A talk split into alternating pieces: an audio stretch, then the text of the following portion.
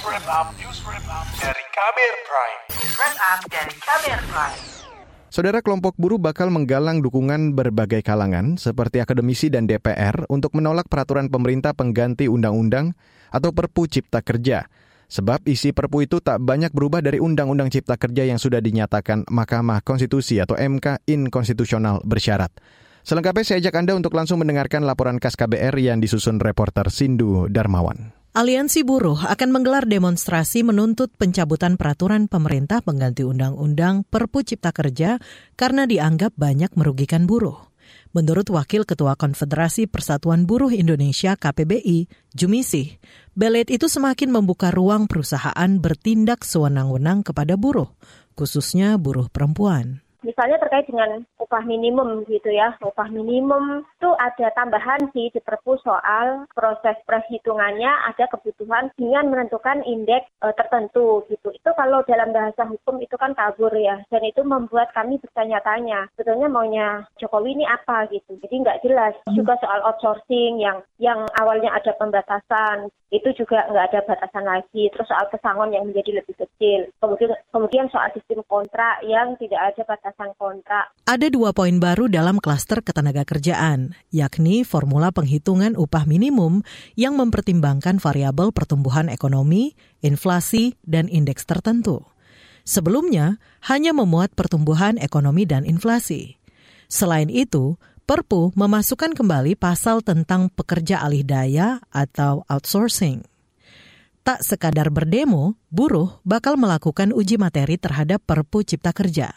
Rencana ini disampaikan Presiden Partai Buruh, Said Iqbal. Tapi kita lihat perkembangannya, mudah-mudahan diplomasi jalan. Langkah ketiga tentu aksi. Bagaimana aksi? Kita lihat perkembangan daripada uh, sikap pemerintah, sikap DPR yang akan menerima Perpu itu bagaimana? Baru Partai Buruh bersama Serikat Buruh, Serikat Petani, dan kelas pekerja lainnya akan menggelar aksi. Kalau isi Perpu, ya sekali lagi isi Perpu tidak sesuai. Penerbitan Perpu Cipta Kerja juga diprotes Wakil Rakyat di Parlemen. Politikus Partai Demokrat Hasbil Mustakim Lubis menyebut pemerintah mestinya mematuhi putusan Mahkamah Konstitusi MK, yakni dengan memperbaiki Undang-Undang Cipta Kerja, bukan menerbitkan Perpu. Dalam putusan MK November tahun lalu, pemerintah dan DPR diminta memperbaiki Undang-Undang Cipta Kerja paling lambat dua tahun atau 2023. Iya, kita sama-sama mengetahui ya, parlemen mereka kan cukup besar ya koalisinya ya. 82 persen uh, mereka menguasai parlemen. Uh, tinggal Demokrat dan PKI. Ya, kita kan punya uh, kelengkapan alat dewan di parlemen. Nanti melalui fraksi Demokrat akan menyampaikan pandangan yang terhadap perpu ini, Mbak. Yang jelas sampai hari ini, uh, baik itu kader maupun eh, suara kader maupun dewan menolak lahirnya perpu ini. Politikus Partai Demokrat Hasbil Mustakim Lubis pesimistis dengan langkah hukum seperti uji material maupun form formil Perpu Cipta Kerja. Itu karena hingga saat ini belum ada gugatan terhadap Perpu yang dikabulkan MK jika regulasi itu telah menjadi undang-undang. Apalagi independensi MK saat ini juga diragukan. Presiden Joko Widodo menganggap berbagai penolakan terhadap Perpu Cipta Kerja sebagai hal biasa.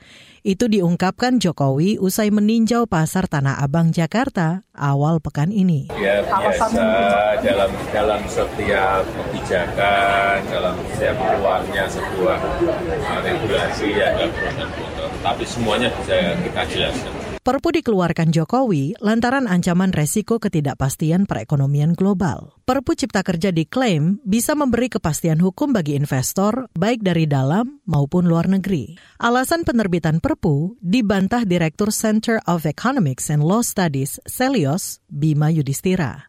Menurutnya, alasan kegentingan memaksa yang menjadi dalih pemerintah justru bertolak belakang dengan kondisi perekonomian nasional. Berkaitan dengan Perpu, ada alasan dari pemerintah kegentingan yang memaksa. Padahal kegentingan yang memaksa itu harusnya ekonomi tahun depan diproyeksi oleh pemerintah dalam asumsi APBN itu minus, baru ada kegentingan yang memaksa. Tapi kalau ekonomi tahun depan dalam APBN proyeksinya bisa tumbuh sampai 5,3 persen, ini kan lebih tinggi daripada pra-pandemi. Dari sudut pandang hukum, pakar hukum tata negara Susi Dwi Haryanti menilai Perpu Cipta Kerja tidak memenuhi unsur kegentingan yang memaksa. Unsur ini jadi salah satu pertimbangan penerbitan Perpu. Perintah MK yang selanjutnya yaitu melakukan perbaikan guna mem guna memenuhi cara atau metode yang pasti, baku dan standar serta keterpenuhan asas-asas pembentukan undang-undang khususnya berkenaan dengan asas keterbukaan harus menyertakan partisipasi masyarakat yang maksimal dan lebih bermakna yang merupakan pengejauhan tahan perintah konstitusi pada pasal 22A Undang-Undang Dasar 1945 menurut saya tidak dilaksanakan. Demikian laporan khas KBR. Saya Aika Renata. Kamu baru saja mendengarkan news wrap up dari KBR Prime. Dengarkan terus kbrprime.id, podcast for curious mind.